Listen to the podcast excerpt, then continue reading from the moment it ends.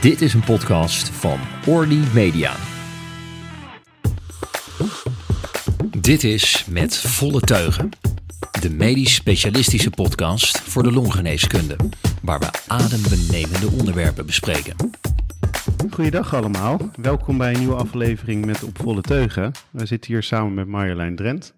Um, en we gaan het vandaag hebben eigenlijk over adembenemende contacten um, en adembenemende geneesmiddelen. Ik ben Duco Deenstra, AIOS longziekte in het Catharina ziekenhuis in Eindhoven. En ik zit hier met Marjolein Drent. Uh, zij is longarts, hoogleraar interstitiële longziekte in Maastricht. Uh, verder heeft zij in Ede gewerkt in het Antonius Expertise Centrum. Dus uh, veel, veel ervaring met ILD. Uh, en als je dan verder kijkt wat Marjolein heeft gedaan heeft ze onder andere de founder of de ILD Care Foundation, president van de WAZOG geweest. Ze is ook nog officier in de Orde van Oranje Nassau. Um, en laatst heeft ze de prestigieuze Sarcoidose Crystal Award gekregen voor excellentie. Een hele mooie, ja, eigenlijk prijs voor haar oeuvre en alles wat ze in haar werk heeft gedaan. Um, ze is een voorvechter van multidisciplinaire samenleving, uh, samenwerking. Sorry. En inmiddels uh, ja, eigenlijk net gepensioneerd als longarts, maar nog steeds in het onderzoek actief. Welkom Marjolein. Dankjewel Duco. Heb je daar nog iets aan uh, toe te voegen? Of nou, iets wat dit, je wilt zeggen? dit vind ik eigenlijk wel uh, meer dan genoeg uh, als introductie. En inderdaad, ik ben ik een jaar gepensioneerd als longarts en ook als hoogleraar. Maar ik ben nog bezig met onderzoek op een aantal terreinen, waaronder het onderwerp waar we het nu over gaan hebben. Hartstikke leuk en dankjewel dat we bij je langs mogen komen. En eigenlijk wil ik meteen met de deur in huis vallen. En wat drijft jou in dit onderwerp en waarom gaat dit onderwerp uh, zo aan het hart? Hoe komt dat? Nou ja, we gaan het hebben over uh, longafwijkingen ten gevolge van geneesmiddelen en hoe komt dat nou? En dat integreert me enorm en dat is eigenlijk al begonnen tijdens mijn opleiding. Ehm, tijdens mijn opleiding in het Antonius heb ik een paar zeer ernstige gevallen gezien van theofiline-intoxicatie. En theofiline uh, wordt heden ten dagen nauwelijks meer gebruikt, maar in die tijd was dat heel gebruikelijk om dat voor te schrijven.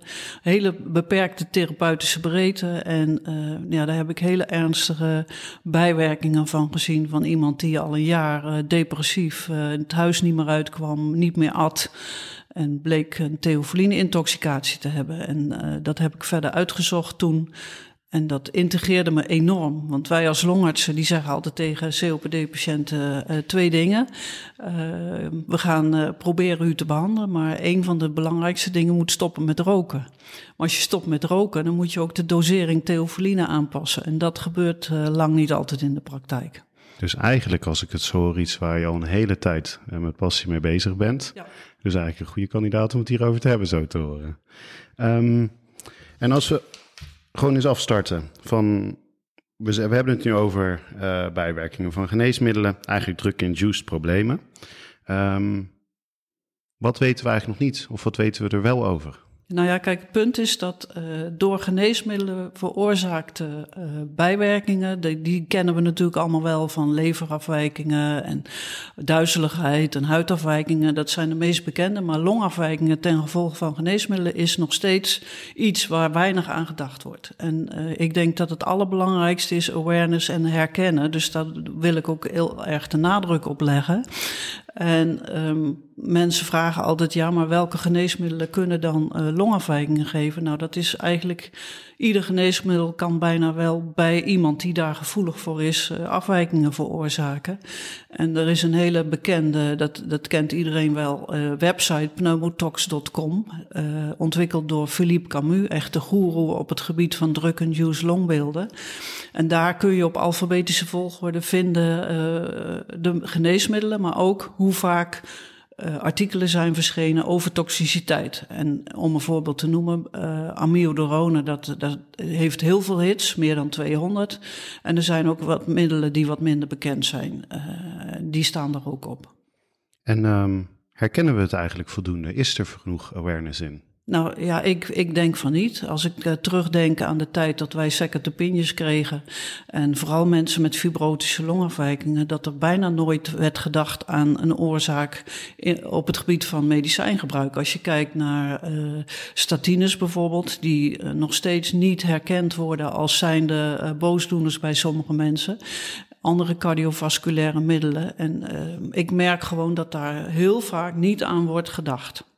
Hoe, hoe, kunnen we ervoor zorgen dat we er meer aan denken? En, en daadwerkelijk als we eraan denken, hoe gaan we er dan mee om? Wat is ons stappenplan? Nou ja, kijk, ik denk dat uh, bij iedere beoordeling van kortademigheid en uiteindelijk afwijkingen in de long, of dat nou COPD is of uh, astma of wat dan ook, uh, kijk altijd naar het medicijngebruik. En niet alleen naar het huidige medicijngebruik, maar ook dat uit het verleden. Want we kennen bijvoorbeeld van nitrofurantoïne dat je twintig jaar na het gebruik van een kuur alsnog afwijkingen kunt ontwikkelen. Dus de, de, de anamnese is hier heel belangrijk. Dat zal niet altijd opleveren wat je wil. Dus dan is het belangrijk om de medicatielijst zorgvuldig op te vragen bij een apotheek. Ja, dus eigenlijk een soort speurtocht in het verleden te houden. Ja, nou ja, en ook de huidige medicatie. Want eh, ook om een voorbeeld te noemen, mensen noemen niet altijd de medicatie die ze hebben. We hebben eens een keer een, jonge vrouw gehad die heel erg ziek was, die ook uiteindelijk op de IC terechtgekomen is met ernstige afwijkingen. En we kwamen er maar niet achter wat ze had. En toen bleek dat ze eh, van de huisarts vaccine had gekregen omdat ze zo verdrietig was dat haar moeder borstkanker had. En toen had de huisarts gemeend om er dan een antidepressivum te geven. En zij zelf dacht, ach, het is wat van de huisarts, dus dat is niet zo belangrijk. Ja, dus eigenlijk echt een diepgravende zoektocht. Ja, want, want mensen die, die melden ook niet altijd wat ze uh, gebruiken. Hè? Dus, uh, en, en je moet ook verder gaan dan alleen maar de medicatie die geleverd wordt door een apotheek. En je moet ook niet onderschatten de drugs, hè, zoals cocaïne, marihuana. Dat kan ook allemaal afwijkingen geven. Dus ja, je moet, je moet daar echt uh, de tijd voor nemen. En zijn er nou nog dingen die ons hierbij kunnen helpen? Bijvoorbeeld um, biomarkers of bepaalde kenmerken waardoor we kunnen verwachten... ja, ja deze patiënt dus, moet ik er op staan. Kijk, je begint natuurlijk met het eraan denken. Dat is het allerbelangrijkste. Nou, op het moment dat je dus denkt van... hé, hey, het zou wel eens een drug-induced beeld kunnen zijn. Wat doe je dan? Nou, uiteraard, uh, de anamnese hebben we het over gehad. Dan beeldvorming, longfunctie, zijn de functionele stoornissen. Dat is allemaal belangrijk. Maar uh, wat kun je nou doen aan, aan biomarkers? Er zijn uh, geen specifieke biomarkers, maar wat bijvoorbeeld uh, behulpzaam kan zijn in het bloed, is dat de LDH verhoogd is. CRP kan verhoogd zijn, de eosinofielen kunnen verhoogd zijn.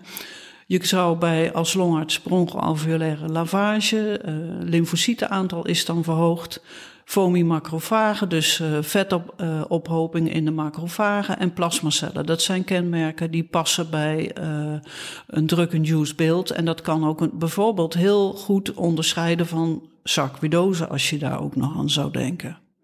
Ja, dus in, juist in deze diagnostiek heeft de bal echt nog gewoon een duidelijke plaats om wel te verrichten. Ja, het, het lijkt heel erg je hebt dan een balprofiel, een celprofiel van uh, aantal lymfocyten zijn toegenomen, aantal of uh, eosinofielen kunnen zijn toegenomen en neutrofielen. En als je naar dat patroon kijkt, dan die verdeling van die cellen, dan lijkt dat enorm op uh, extrinsieke allergische alveolitis. Dus dat is wel belangrijk om rekening mee te houden.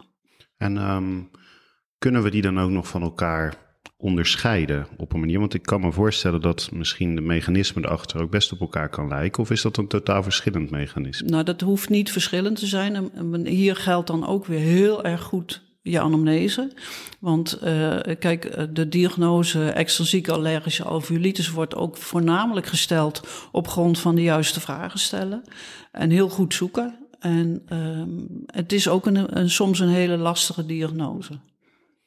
Dat kan me helemaal voorstellen, helemaal als je veel medicatie hebt. Dus dan is het echt uh, goed zoeken. En, als en, en je hebt ook nog een pakiet. Ja, wat is het dan? Hè? De kip of het ei in dit geval. En zijn er dan, als we dan in onze zoektocht idee hebben, dit medicijn zal het waarschijnlijk zijn.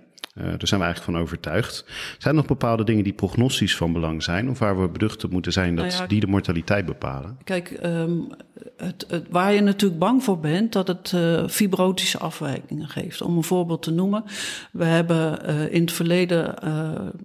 de interesse ontstaat, stond bij mij toen ik ontdekte dat zo'n 25% van de mensen die een cardiovasculair event hadden doorgemaakt, longfibrose ontwikkelden. En dat vond ik opvallend. En toen zijn we verder gaan zoeken. En toen bleek dat ook samen te hangen met episodes van uh, doorschoten INR. Dus uh, diffuse alveolar hemorrhage. En dat had dan weer verband met medicijngebruik. En um, dus het is, het is heel belangrijk om te weten uh, wat voor medicijnen iemand gebruikt. Om vervolgens dan een stappenplan te kunnen maken van is het inderdaad die medicatie. Als je dan de medicatie aanpast, en in dit geval, als je zorgt dat die INR niet meer doorschiet, dan kun je dus een stabilisatie krijgen. Kijk, zo, longfibrose kun je niet behandelen, zoals je weet. Hè. We hebben fibrose remmers, maar het, wordt, uh, het gaat nooit over, helaas. Dus wat je wel kan doen, is zorgen dat de progressie stopt. En dat kun je dus bewerkstelligen om te zorgen dat je het medica medicament waarvan je denkt dat dat een relatie heeft met het ontstaan van de fibrotische afwijkingen. En dat kan bij cardiovasculaire problemen bijvoorbeeld statines zijn. Echt, dat is, statines zijn heel berucht uh, bij het ontwikkelen van interstitiële longaandoeningen. Maar bijvoorbeeld ook uh, coumarines. Kan ik dan eigenlijk uh, begrijpen dat die, als je echt fibrosevorming ziet, dat het ook prognostisch slechter is voor een uh, patiënt met medicatie-gerelateerde ja, je hebt natuurlijk bij, bij, medicatie ook een, een, dat heb je bij uh, extrinsieke allergische alveolitis ook een acute uh, beeld, een wat meer uh, chronische vorm. Maar de acute beelden, die zie je ook bij druk en duwt, bijvoorbeeld bij metotrexaat zie je dat. En bij nitrofurantoïne kun je dat ook zien. Kijk, en als je dan meteen dat ontdekt, dan zit je nog in de inflammatoire fase en dan kun je dat stoppen. De halfwaardetijd van metotrexaat is heel kort, dus als je dat tijdig stopt, dan kan dat volledig herstellen. En dat geldt ook voor uh, statines als je ze op tijd stopt. Maar bijvoorbeeld uh, wat een hele lange halfwaardetijd heeft. Als je dat stopt, dan gaat het fibrotisch proces door. En de schade van amiodarone is over het algemeen ook veel ernstiger. En ik hoor je nu ook als voorbeeld een aantal middelen noemen die op pneumotox, om het maar te zeggen, veel sterk krijgen. Zijn er nou voor dat soort middelen nog manieren dat je bijvoorbeeld zegt, ik zeg wat amiodaron? Kun je, kun je bij patiënten screenen wie er nou risico heeft op een drug-induced TLD?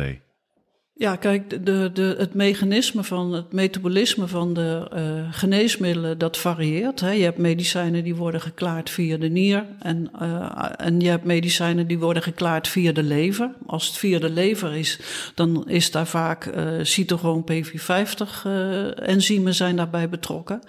De, daar zijn polymorfismen in mogelijk en dat varieert van persoon tot persoon. Tegenwoordig is dat heel makkelijk te testen en dan kun je dus van tevoren testen of iemand normale metaboliseerder is of een uh, dat er een soort remming optreedt of dat er zelfs een, helemaal geen metabolisme mogelijk is. Dus dat uh, noemen we farmacogenetica en dat is op dit moment al heel in een vergevorderd stadium. Van heel veel medicamenten weten we hoe ze gemetaboliseerd worden en dan kun je dat dus van tevoren testen inderdaad. En ik denk ook dat dat het punt is waar we straks over verder gaan, omdat dat eigenlijk het bruggetje is. Nou, hoe gaan we hier nou uh, verder mee om? Ook uh, met het uh, medicatiepaspoort en dergelijke. Um, heb je nou bijvoorbeeld nog, als we het hierover hebben, een casus die is bijgebleven dat je denkt, dit is nou een goed voorbeeld hoe je deze zoektocht grondig en goed doet? Nou, ik heb net genoemd die jonge vrouw met venlafaxine. Um, toen we uh, erachter waren dat ze kwamen dat ze dat gebruikte en omdat ze zo'n heftige reactie had, toen wilden we weten of dat misschien met elkaar te maken heeft. Venlafaxine is een geneesmiddel wat eerst omgezet moet worden tot een werkzame stof. Als dat niet gebeurt, dan werkt het gewoon niet.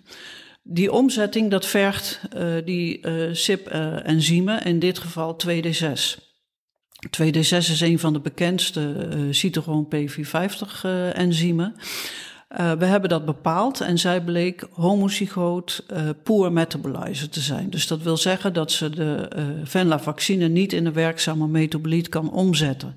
Dat betekent dat het ook niet werkt als antidepressivum, dat is één, maar dat het ook afwijkingen kan geven. Dus van de uh, stof venlafaxine had zijn toxische spiegel en van de metaboliet, die eigenlijk de werkzame stof is om uh, de antidepressieve werking in gang te zetten, die was nagenoeg nul.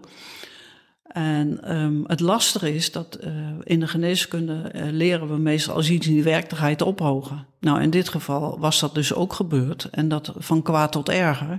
En die vrouw die had dus een enorme uh, respiratoire insufficiëntie ontwikkeld.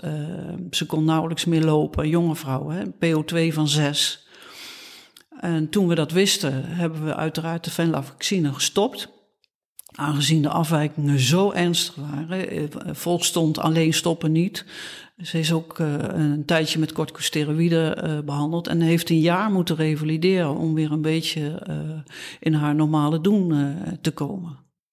Dit is wel echt een hele impo imposant voorbeeld ja, van wat er ja. kan gebeuren. Helemaal als je er ook nog eens achter komt dat je gewoon een polymorfisme hebt. Um, dat denk ik dat een mooi bruggetje is um, naar de polymorfisme waar je het, wat je nu vertelt. Um, want dat is ook echt wel iets waarvan je denkt dat echt de toekomst is en waar denk ik veel mensen het over eens zijn. Want die polymorfisme, moeten die nou gaan bepalen bij patiënten voordat we ze risicovolle middelen geven? Nou ja, kijk, ik ben hier al, al heel lang onderzoek mee aan het doen. En dat, uh, dat is al begonnen zo rond 2000 uh, in mijn tijd in Maastricht. Ik heb ook diverse mensen uh, onderzoek daarin laten doen. En we hebben ook wat promovendi begeleid op dit onderwerp. En ja, onze stelling is dat je dat zo vroeg mogelijk zou kunnen doen. Om een aantal redenen. Het is goedkoop. Het, je hoeft het maar één keer te doen. En je weet nooit wanneer je medicijnen nodig hebt. Hè? Dat, dat, dat je die gegevens gewoon hebt. Er zijn tegenwoordig wel ook een soort CITO-bepalingen beschikbaar. En daar heb ik wel een voorbeeld van, clopidogrel, uh, om trombose te remmen. Dat wordt voorgeschreven bij mensen om bijvoorbeeld een CVA te voorkomen. Uh, tegenwoordig kun je als CITO op de EHBO kun je een test doen van cytochroom P452C19. Uh, dat is hetgeen, uh, copiodocel zelf werkt niet. Dat is hetzelfde als van venlafaxine. Dat moet omgezet worden in een werkzame metaboliet. Als je dan een poor metabolizer bent voor 2C19, dan wil dat zeggen dat je dus het niet omzet en dan werkt het niet. Nou, stel jij uh, hebt, uh, moet uh, een, een preventiemedicijn krijgen tegen het ontwikkelen van trombose. En je geeft iets wat helemaal niet werkt. Nou, dat is denk ik tegenwoordig bijna een kunstfout als je dan niet even die test doet om te bepalen of dat bij iemand wel werkt. Want er zijn echt hele vervelende bijwerkingen van iemand die blind wordt omdat ze trombose krijgen in het oog of dat soort dingen. Maar het klinkt dus alsof we al eigenlijk best wel veel uh, polymorfisme weten, die mm -hmm. ook zelfs kunnen bepalen. En eigenlijk preventief zouden moeten bepalen voor het geval dat je medicatie gaat krijgen. Je merkt er toch best wel verschillende dingen in landen over. Hè? Het ene ziekenhuis doet het al een deel, andere niet. Hoe gaan we dit verder implementeren? Hoe zorgen we dat dit uh, gemeengoed wordt? Nou ja, kijk, een van de problemen die wij als longartsen tegenkomen, dat wij een beetje aan het eindstation zitten, want de voorschrijvers zijn uh, vaak andere specialisten dan de longartsen. Hè. Ik neem er niet over urantuine, dat is meestal de huisarts. Overigens is dat geen uh, cytochroom P450-enzym, maar G6PD, glucose 6-fosfaat dehydrogenase, wat daar een rol bij speelt. Ja, dat is even goed in één keer goed uitgesproken. Ik denk dat je het heel keurig zei. en um, maar neem bijvoorbeeld statines, die worden ook niet door de longarts voorgeschreven. Dus wij, zijn, wij zijn, zitten op het moment dat er problemen ontstaan. Dus we moeten veel meer naar de basis, naar preventie. Dus degene die geneesmiddelen voorschrijven, die zouden allereerst uh, op de hoogte moeten zijn van de bijwerkingen die kunnen optreden. En vervolgens ook daar actie op ondernemen. Dus ik denk dat we in een veel eerder stadium al dat farmacogenetisch paswoord uh, zouden kunnen toepassen. Kijk, ik heb altijd uh, geroepen van we moeten toevoegen aan de hielprik. He, dus uh, op het moment dat iemand uh, medicijnen krijgt, dat je dat weet. Er zijn diverse studies uh, worden nu gedaan om te kijken wat de waarde is van preventief zo'n farmacogenetisch paspoort bepalen. Een van de bekendste studies die dit jaar uh, gepubliceerd is, begin dit jaar, is ook nog op het 8 uur journaal geweest. Dat is een studie waar onder leiding van een groep in Leiden, die hebben preventief uh, uh, die polymorfismes bepaald. En dat bleek dat zeker 40% van de ernstige bijwerkingen te voorkomen waren als je die farmacogenetische informatie hebt. Dat is wel echt een heel erg groot percentage waar we het nou over hebben. Ja. En um, ja, dus. Ja, sorry, een van de. Van de, van de uh, want je vroeg wat zijn de obstakels? Hè? Dat, dat is natuurlijk de kosten. En, uh, maar dat valt ook reuze mee. Dat, uh, er zijn al uh, mensen bepalen dan een bepaald panel. Want de vraag is, ja, welk polymorfisme moeten we nou bepalen? Over wat ik net noemde, die clopidogel, dan zou je kunnen volstaan met 2C19. Maar over het algemeen gebruiken mensen, mensen worden ouder, die hebben veel meer medicijnen. Dus het is veel beter om een panel te bepalen. En, en, het, en dan worden de meest geschikte enzymen worden in één keer bepaald. En zo'n bepaling kost tegenwoordig nou gemiddeld, ik heb een, een beetje onderzoek in het land gedaan, als je alles bij elkaar optelt, zo'n 500 euro. Dat klinkt niet als een heel duur bedrag als je ziet wat je kan voorkomen. En het wordt nog steeds goedkoper. Hè? Want toen we daarmee begonnen was het veel duurder. En uh, die kits worden steeds goedkoper. Um, dus dat, dat, dat zal zeker. En als je ziet wat het oplevert. Neem bijvoorbeeld iemand met zo'n doorgeschoten INR. Dan moet iedere week moet INR bepaald worden. Er ontstaan bloedingen. Er ontstaan bijwerkingen. En als je dat van tevoren weet en je kunt dat voorkomen. Ja, dan, dan is het uh, alleen maar kostenbesparend. Eigenlijk klinkt het als iets wat we gewoon moeten gaan doen. Ja, maar ja, maar wat natuurlijk ontbreekt is leiderschap. Wat ontbreekt is, uh, dus heel uh, populair tegenwoordig hè, in de politiek en alles, maar wie neemt de leiding en wie neemt de verantwoordelijkheid van zo'n bepaling? Want kijk naar de longartsen, we hebben daar weinig kennis over en dat is ook helemaal geen schande. Maar het punt is dat um, er moet iemand zijn die de verantwoordelijkheid daarvoor neemt. Die ook de, het medicijnbeleid begeleidt. En ik denk dat hier toch ook een hele belangrijke rol voor de apothekers uh, weggelegd is. En vooral ook de ziekenhuisapothekers, maar ook de thuisapothekers. Kijk, we hebben het altijd uh, over samenwerking. En ik denk dat als we de samenwerking tussen apothekers en klinici kunnen verbeteren, dat we dan heel veel leed. En, en het is niet alleen waar we het nu over hebben, kosten en bijwerking, maar ook voor de patiënt. Want de patiënt zit ermee, die heeft die bijwerkingen. En dus de kwaliteit van leven kan enorm verbeteren als er een betere afstemming is tussen wat voor medicijn krijg je en is dat medicijn wel geschikt voor jou. Dus als ik het eigenlijk hoor, hè, als ik het naar onze praktijk probeer te vertalen. Als we denken als longarts, wat kunnen we hier aan doen, is in gesprek gaan in ons ziekenhuis. Hoe kunnen we dit eventueel implementeren in het hele ziekenhuis? En het andere wat ik me daarbij bedenk is, stel dat we dat nou niet hebben en toch willen we hiermee aan de slag. Hoe kunnen we dit nou als longarts in onze dagelijkse praktijk inbedden, dat we hiermee um, actief bezig gaan? Nou, mijn ervaring is, ik heb in verschillende ziekenhuizen gewerkt, waaronder ook in ziekenhuis Gelderse Verleiden. Hè, dat is een algemeen ziekenhuis en geen academisch ziekenhuis. Praat met een apotheker. Er is altijd iemand die daarin geïnteresseerd is. Daar waren er meerdere in geïnteresseerd. En voor je het weet kun je dat gewoon prima opzetten. En uh, je kunt ook uh, MDO's uh, zelf regelen met een apotheker. Ik had daar een apotheker die heel enthousiast was. En die ging af en toe mee met de polio, omdat hij wel eens wilde zien welke patiënten nou problemen hadden en hoe ze dat konden oplossen. Mensen zijn enorm geïnteresseerd in deze materie. En je kunt heel snel ook resultaat boeken op die manier. Ook bijvoorbeeld op de intensive care. Als je daar een soort uh, bespreking in last van kunnen bepaalde uh, uh, afwijkingen te maken hebben met medicijngebruik. En je betrekt daar een apotheek bij, dan kun je ook heel veel leed voorkomen. Dus in de praktijk is het heel goed mogelijk om hier al resultaat mee te boeken. Alleen het is een kwestie van mensen vinden die daar enthousiast voor zijn. Waar je altijd tegenaan loopt, is dat mensen zeggen: ja, maar het staat niet in de richtlijn. Dus ik denk dat we, uh, naast dat je in de praktijk aan de slag gaat, dat ook mensen binnen de uh, beroepsgroepen uh, eens na moeten denken of er niet een, een, een, een richtlijn farmacogenetica kan komen. Zowel voor de cardiologen als de neurologen. Want even terugkomend op die coplidocel. Het staat nog steeds niet in de richtlijn van de neurologen dat je die uh, cytochroombepaling moet doen voordat je het gaat voorschrijven. Ik denk dat dat echt, echt binnen afzienbare tijd goed geregeld moet zijn. Maar dat is dus ook, de beroepsgroepen hebben daar, spelen daar ook een rol in. Dus dan klinkt het eigenlijk als een hele mooie combinatie van interprofessioneel samenwerken, wat denk ik heel veel energie kan geven, ook ja. in je dagelijks werk. Maar daarbij ook een deel medisch leiderschap, dat we met z'n allen iemand moet opstaan en zegt: Ik ga dit aan de slag, of een groep mensen, een team.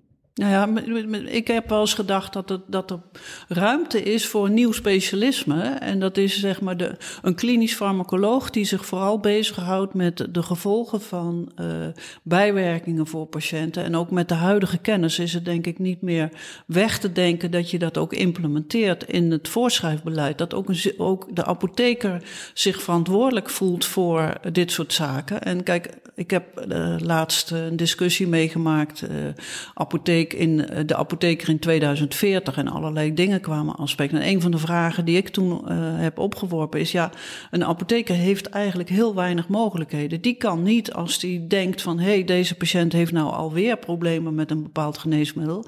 Die kan niet zo'n farmacogenetisch paspoort aanvragen. Hè. Dat moet een dokter doen.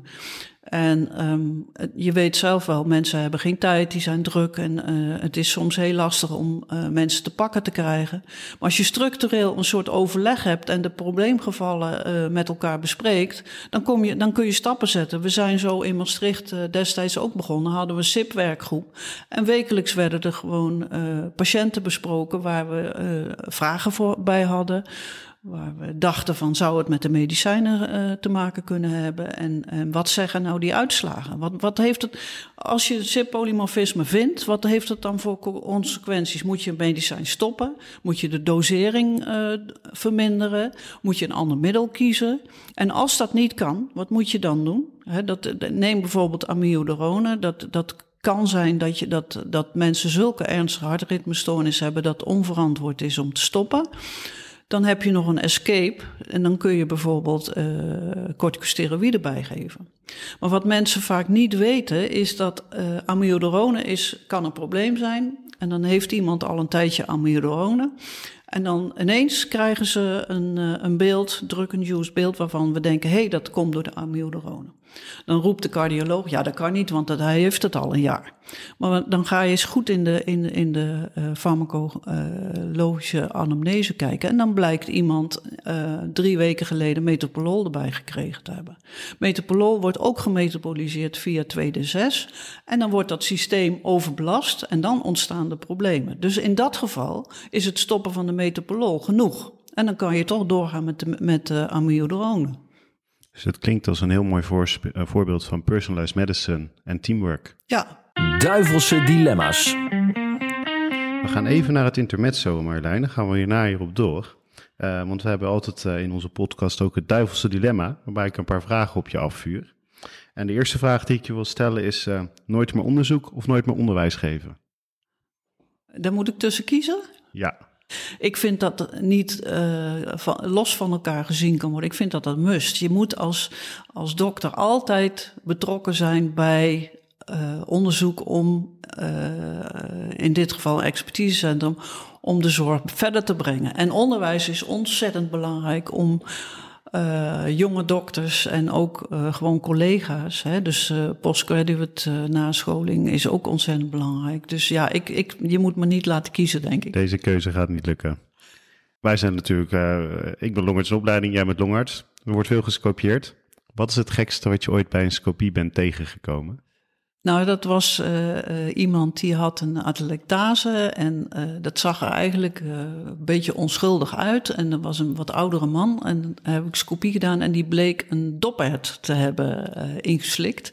En die in de long terecht, of ingeademd eigenlijk, in de long terecht gekomen was. En die sloot dus de bovenkwap klein takje af, segment. En, um, maar dat, dat was dus bijzonder, maar die moet je dus uitzien te krijgen. Dat was dus heel lastig, want die ging natuurlijk kapot. En uh, daar hebben we heel veel moeite gehad om die uiteindelijk, uh, om die man daarvan te bevrijden. Die zat dus uh, om te horen muurvast. Nou ja, dat, dat, als je daar hapjes afneemt, dan blijft hij gewoon zitten. Want dan heb je iedere keer een stukje. Maar om hem helemaal echt goed eruit te pakken, nou, dat heeft enige uh, sessies gevergd, zeg maar. een duivelse doppert, om het zo te ja, noemen. Ja, we waren gebleven tot het intermezzo. Uh, was dat we het net over SIP hadden en onder andere over amiodaron, metropolol tegenover elkaar. Um, we zeiden al dat lijkt meer personalized medicine en teamwork. Eigenlijk iets waar we heel erg mee bezig zijn in het ziekenhuis. Um, ik denk dus als ik je zo hoor zeggen dat het iets overkoepelends moet zijn tussen specialisme en in het hele ziekenhuis en misschien zelfs landelijk. Dat we eigenlijk als ik het zo hoor als longarts helemaal niet alleen kunnen. Nee, nee. Moeten we, als we dan toch nog naar onze longartsenpraktijk gaan, moeten wij nou, als we bepaalde medicijnen starten, hier al beducht op zijn? En als we dan toch klein willen beginnen, uh, in onze eigen plek uh, genetisch onderzoek inzetten voordat we beginnen? Ja, kijk, het is, het is natuurlijk de vraag van hoe kunnen we dit zoveel mogelijk voorkomen. Hè? Dus uh, uiteindelijk is, is fibrose iets dat integreert me enorm. Dat longfibrose, dat wordt nooit meer normaal. En er wordt al heel veel geïnvesteerd in medicijnen om dat uh, te behandelen. Maar mijn stelling is, zorg nou dat je meer investeert in preventie.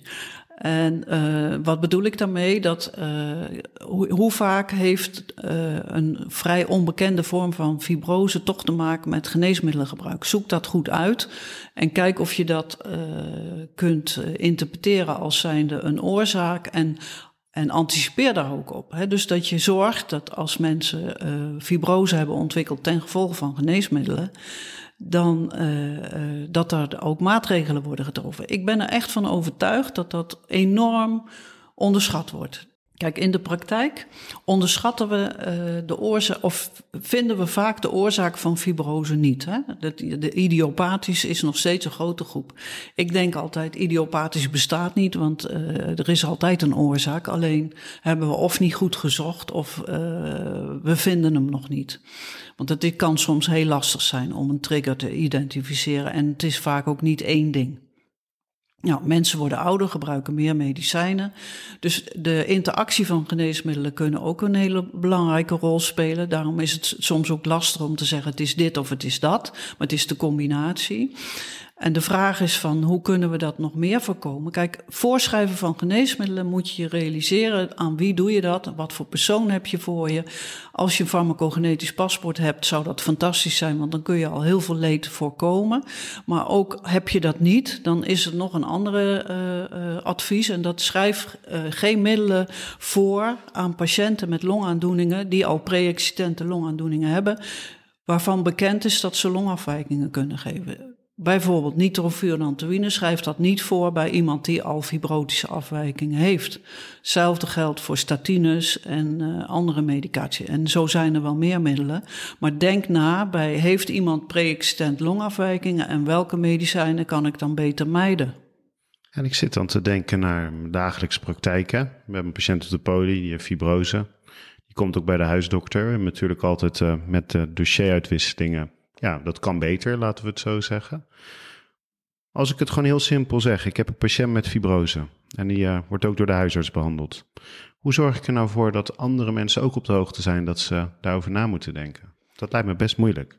Dat is ook lastig. Ik denk dat dat ook weer, uh, je vroeg me net uh, onderwijs en onderzoek. Nou, dat, door onderzoek is dat aangetoond. Met onderwijs moeten we dat duidelijk maken. En dit soort uh, gesprekken, hopelijk gaan mensen dan denken: oh ja, dat, ik heb iemand met statines. En ehm, overigens, niet alle statines zijn schadelijk voor de long. Hè, dat dat ook nog even duidelijk is. Dus je, je kunt gewoon een keuze maken wat bij die patiënt beter past. En um, kijk wat helpt is in je ontslagbrief heel nadrukkelijk zeggen van bij voorkeur geen. En dan kun je daar een aantal middelen. Als iemand cardiovasculaire pathologie heeft, dat je dan uh, vraagt of als iemand uh, een bepaalde statine heeft, om die uh, te switchen naar een minder toxische statine.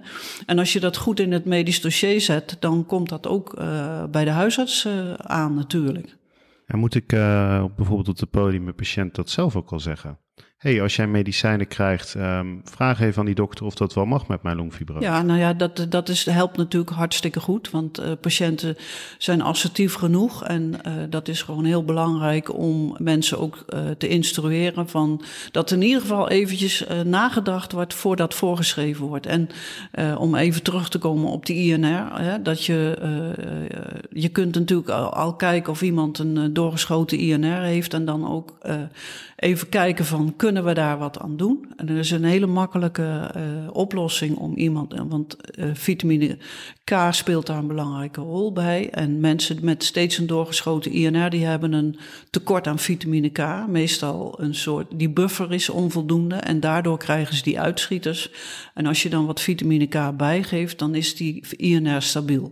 Wat dan heel belangrijk is om even contact op te nemen met trombosedienst, uit te leggen waarom je dat doet. Dan is het geen probleem, maar OW, als als je dat zomaar doet en ze weten het niet, ja, dat vinden ze niet fijn. Dus ook hier, kijk, bij dat soort middelen betrek ook de trombosedienst erbij.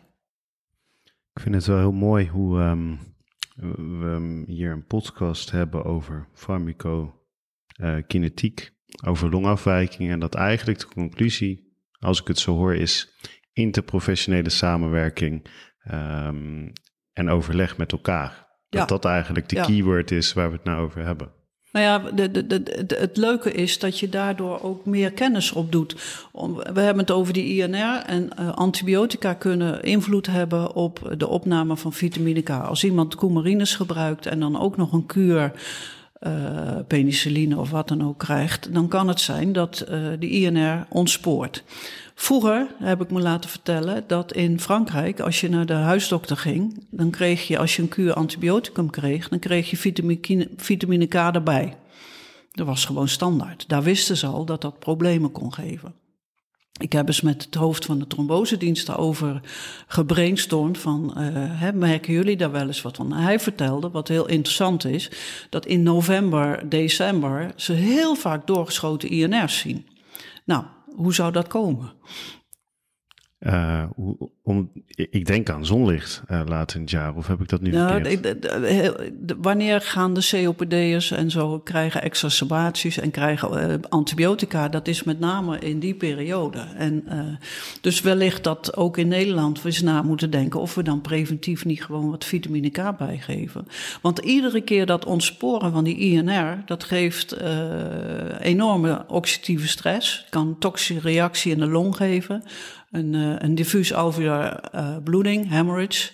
En als dat maar bij herhaling optreedt, treedt fribinevorming en vervolgens longfibrose. Dus dat is echt een van de oorzaken van longfibrose. Dus eigenlijk uh, op alle punten, op alle plekken moet je beducht zijn op longbijwerkingen. Dus als ik je zo hoor over alle plekken waar dit gebeurt, uh, zal denk ik een grove onderschatting zijn, de incidentiecijfers die we nu hebben. Ja, nou ja, dat is ook begrijpelijk. Want kijk, uh, als je nagaat uh, hoe weinig aandacht eraan besteed wordt aan dit onderwerp, dat is gewoon jammer. Het is natuurlijk een onderwerp wat naar mijn idee enorm onderschat is, wat echt in de komende tijd hopelijk veel meer aandacht gaat krijgen. Kijk, in mijn oratie uh, riep ik al uh, voorbarig dat binnen vijf jaar iedereen een farmacogenetisch paspoort zou hebben. Ik heb dat onderschat. Hè. Het is nu, denk ik, dichterbij dan toen, gelukkig. Maar we zijn er nog lang niet. En um, kunnen we als longarts nog een extra stap bijdragen om het proces te versnellen, denk je? Nou zorg dat als je een patiënt krijgt die benauwd is geworden nadat hij gestart is met bepaalde medicijnen, dat je denkt dat, het, dat er associatie is met medicijngebruik, is dat er niet toch altijd goed de medicatielijst uh, opvragen. Ook uit het verleden, zoals bijvoorbeeld uh, het voorbeeld van de nitrofurantoïne. En denk aan de mogelijkheid van een uh, drug-induced beeld of progressie door medicijnen. Want beide kunnen een rol spelen. Want ik denk dat tweede wat je nu noemt um, iets is wat toch misschien minder bekend is. Dat ook bij mensen die al fibrose hebben, medicijnen effecten bovenop kunnen hebben. Ja. Is er nog een bepaald key of uh, iets wat we kunnen doen om dat makkelijker te herkennen bij mensen die al fibrose hebben?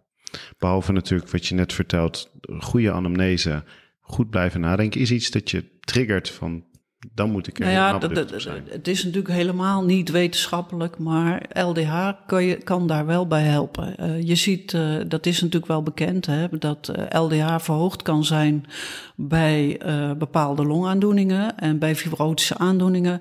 Ik weet nog goed dat in 1999 is Nicole Kobba daarop gepromoveerd, op de waarde van LDH. En toen werd daar een beetje om gelachen, zo van onbelangrijk en zo.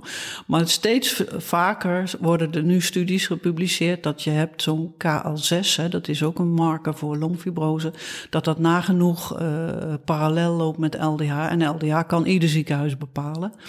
Dus als, men, als dat stabiel is, dan heb je er niks aan. Maar als je ziet dat dat in één keer omhoog gaat, bij bijvoorbeeld uh, amiodaronelong of bij metotrexaatlong, is bekend dat de LDH dan ook omhoog gaat. Dat is denk ik dan voor die wel een mooie marker om te gebruiken. Ja, Maar nogmaals, het is natuurlijk beperkt. Hè? Het is, uh, als dat niet verhoogd is, kun je niet zeggen het is niet zo. Hè? Nee, ik hoor, er zijn heel veel puzzelstukjes die je mee moet nemen. Maar het helpt je misschien een beetje mee, als ik ja. er zo hoor. Ja. En um, ja, we hebben veel gepraat over wat kunnen we doen, hoe moeten we het nou zien. En um, ik denk dat er heel veel samenwerking moet zijn. Um, als we toch nog een stap naar de dagelijkse praktijk proberen te maken, drug-induced ELD's, bijwerkingen van geneesmiddelen. Um, wat zou je ons als longartsen mee willen geven? Dat, um, waar moeten we in de toekomst naartoe? Uh, wat moeten we in onze dagelijkse praktijk absoluut niet vergeten? Nou ja, kijk, ik denk, ik, ik, ik ben een enorme voorstander van een uh, uitgebreide, goede anamnese. Uh, en daar hoort bij vragen naar blootstellingen. En dat hoort, dat hoort uh, echt met de juiste vragen. Hè? Want ik gebruik altijd het voorbeeld van als je aan iemand vraagt, rookt u? En dan zegt hij nee. En dan ben je dan klaar? Nee. dan ga je verder. Bent u gestopt? Ja. Ben je dan klaar? Nee. En dan heb je dus mensen die zeggen tussen twee sigaretten in. Ja, die mensen heb je. En zo gaat het ook met blootstellingen. Je moet soms heel creatief zijn om bepaalde uh, blootstellingen aan schadelijke stoffen. Uh, hè, zoals uh, je, silica speelt een belangrijke rol bij bepaalde aandoeningen. En uh, zo hebben we bijvoorbeeld een voorbeeld van een mevrouw die ziek werd van de kattenbakvulling. En uh, ja, als je dan niet voldoende tijd neemt om goed uh, de situatie op te nemen, kom je daar nooit achter. Hetzelfde geldt voor geneesmiddelen. He, je hebt geneesmiddelen die worden voorgeschreven en als je geluk hebt, dan heb je ook die informatie. Maar je hebt niet altijd die informatie. En ik, ik zeg maar wat, paracetamol of andere middelen zijn gewoon vrij verkrijgbaar. En als mensen dat uh, veelvuldig uh, naast hun gebruikelijke medicijnen nemen, dan is dat ook belangrijk om te weten. Dus ja, investeer in de juiste vragen stellen. Dat voorkomt heel veel onnodige diagnostiek, is mijn uh, stelling. Want zodra je weet welke richting je diagnostiek op moet gaan, dan kun je heel veel dingen ook nalaten. En dat is ook voor de patiënt prettig en kostenbesparend. En dat laatste is in de huidige tijd natuurlijk ook een heel belangrijk punt. Als ik je zo hoor zeggen, moet je denk ik ook nog vragen naar uh, allemaal andere middeltjes van uh, de drogist die mensen gewoon nemen. Ja. Die niet vergeten als ik je zo hoor. Ja, ja. Nou ja, er zijn natuurlijk ook, er is ook bekend van vitamines dat uh, als zodra, uh, kijk, je hebt van die gezondheidsfreaks die enorm veel vitaminepreparaten gebruiken. En je kan bijvoorbeeld een intoxicatie met vitamine D krijgen of een intoxicatie met vitamine B12 uh, en gaan zo maar door. Kijk, te is nooit goed, dus ook daar moet je voorzichtig mee zijn. En dan heb je natuurlijk nog allerlei kruiden, zoals Sint-Janskruid kan allerlei invloeden hebben, theesoorten kunnen invloed hebben. Uh, we hebben uh, mensen die ziek geworden zijn van bepaalde thee. Kortom, je moet daar heel uh, creatief in zijn eigenlijk. En natuurlijk, als je eens een keer zo'n patiënt hebt gezien, dan helpt je dat ook weer om na de hand eerder alert daarop te zijn. En om een voorbeeld te noemen, misschien dat gebruik ik altijd als ik onderwijs geef dat is, uh, die vind ik altijd wel heel mooi. Dat een mevrouw die uh, is, uh, komt bij de longarts en die, het is rond, rond kerst en die heeft forse afwijkingen. En dat blijkt door een pakiet te komen. Nou, dat is allemaal met precipitines aangetoond. Het beeld paste erbij, de lavage paste erbij. Met heel veel verdriet heeft die mevrouw de pakietje weggedaan. Een jaar later begin januari komt ze met precies dezelfde klachten. En nou ja, ze snappen het gewoon niet, want hoe kan dat nou? Want de pakiet is weg en toch heeft ze die klachten. Nou, wat bleek nou? Die mevrouw had een kunstkerstboom. En die had die kunstkerstboom van, van zolder gepakt. Dat pakietje vloog altijd vrij door de kamer. En die had ook uh, rijkelijk gepoept op die kunstkerstboom. En zoals je weet zitten de uh, eiwitten van uh, de vogel in de ontlasting. En daar zijn mensen allergisch voor. Dus ze had daar weer contact mee en werd weer ziek en had weer een duidelijk uh, longbeeld uh, ontwikkeld. En dit is denk ik wel een heel mooi voorbeeld van echt diep speurwerk. Ja. Waar nou de ziekte vandaan ja. komt en hoe diep je soms echt moet graven. Ja. Zo, ik denk dat dat echt een hele leuke casus is als afsluiten. Ik wil eigenlijk samenvatten dat, als ik het zo van je hoor, er een aantal dingen zijn waar we op moeten letten. We moeten ons bewustzijn van drug-induced TLD's en er echt heel diep naar gaven, blijven vragen. Um, blijf nieuwsgierig en doorvragen, doorvragen, doorvragen. Ik hoor van je dat eigenlijk het genetisch, um, ons genetisch paspoort steeds dichterbij komt. Uh, er zeker stappen zijn te maken. Um, maar dat ik eigenlijk vooral door alles heen van je hoor dat drug-induced ILD's en überhaupt bijwerkingen van geneesmiddelen en de genetica echt teamwork moet zijn. Dus interprofessioneel, zoek contact met je collega's en dat we eigenlijk mensen nodig hebben die hier uh, het voortouw in gaan nemen om hier ook landelijk en interprofessioneel actie in te ondernemen. Vat ik het dan goed samen? Ja, dat vat je heel mooi samen. Want kijk, we hebben natuurlijk in, in Nederland bijwerkingen uh, geneesmiddelen uh, LAREP, waar meldingen binnenkomen.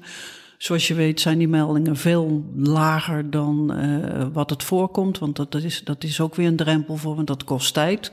Dus daar komen we ook niet uh, echt mee uit. En uh, ik denk ook dat als we die samenwerking goed uitwerken en dat het ook in richtlijnen van de diverse beroepsgroepen wordt opgenomen, dat een, een cardioloog voorafgaande aan het voorschrijven van uh, medicijnen ook uh, gebruik maakt van de mogelijkheden van een farmacogenetisch paspoort. En kijk, wat we nog niet besproken hebben, wat ook nog een belangrijke rol is, is bijvoorbeeld de zorgverzekeraars. Kijk, ik heb ook, uh, omdat ik hier erg in geïnteresseerd ben, eens even een beetje rondgevraagd. Er zijn al behoorlijk wat zorgverzekeraars die het belang hiervan inzien en het ook toestaan om dat te laten bepalen. Uh, dus het kostenaspect, wat vaak als, als tegenargument wordt gebruikt door de tegenstanders, dat speelt eigenlijk niet of nauwelijks meer. En ik ben ervan overtuigd, hè, als er één schaap over de dam is, en er zijn er al verschillende, uh, die zijn al over de dam, dan volgt de rest ook wel. Dus dat is niet het probleem. Dus het probleem is hoe implementeren we het in de praktijk? En daarvoor geldt zoek de samenwerking. En ook wat ik ook altijd merk is als je in zo'n team met elkaar uh, casuïstiek bespreekt, daar leer je ontzettend veel van. En dan kun je de volgende keer, kijk, die patiënt kun je misschien niet meer helpen, of hij al uit, uitgebreide fibrotische afwijking, maar de volgende kun je wel helpen. Ik denk dat dit een prachtige boodschap is uh, voor ons om mee te nemen in onze dagelijkse praktijk en naar de toekomst. Heb je nog een laatste boodschap of message die je mee wil geven aan ons uh, om over na te denken? Nou ja, dit, uh, deze podcast is uh, voor longartsen. Um, ik heb altijd met enorm veel plezier mijn vak uitgeoefend. Het is een prachtig vak en we kunnen enorm veel doen. En ehm, wees creatief en wees nieuwsgierig. En als je niet direct begrijpt hoe het werkt, dan ga er dan niet vanuit van het bestaat niet. Hè, wat, wat mensen ook nog wel eens te horen krijgen, eh, het zit tussen de oren. Maar uh, zoek de uitdaging en ga proberen naar een verklaring te zoeken en zoek daar de juiste mensen voor. Ik denk dat dat een prachtige boodschap is waar we goed met z'n allen mee verder kunnen gaan. Ik wil je hartstikke bedanken. Bedankt uh, voor je tijd hier in het prachtige zonnige Ede en uh, een hele fijne dag. Duco, jij ook heel erg bedankt. Ik vond het uh, heel leuk dat je aan dit belangrijke onderwerp aandacht wil besteden. Dit was Met Volle Teugen. Dank voor je aandacht en graag tot de volgende aflevering.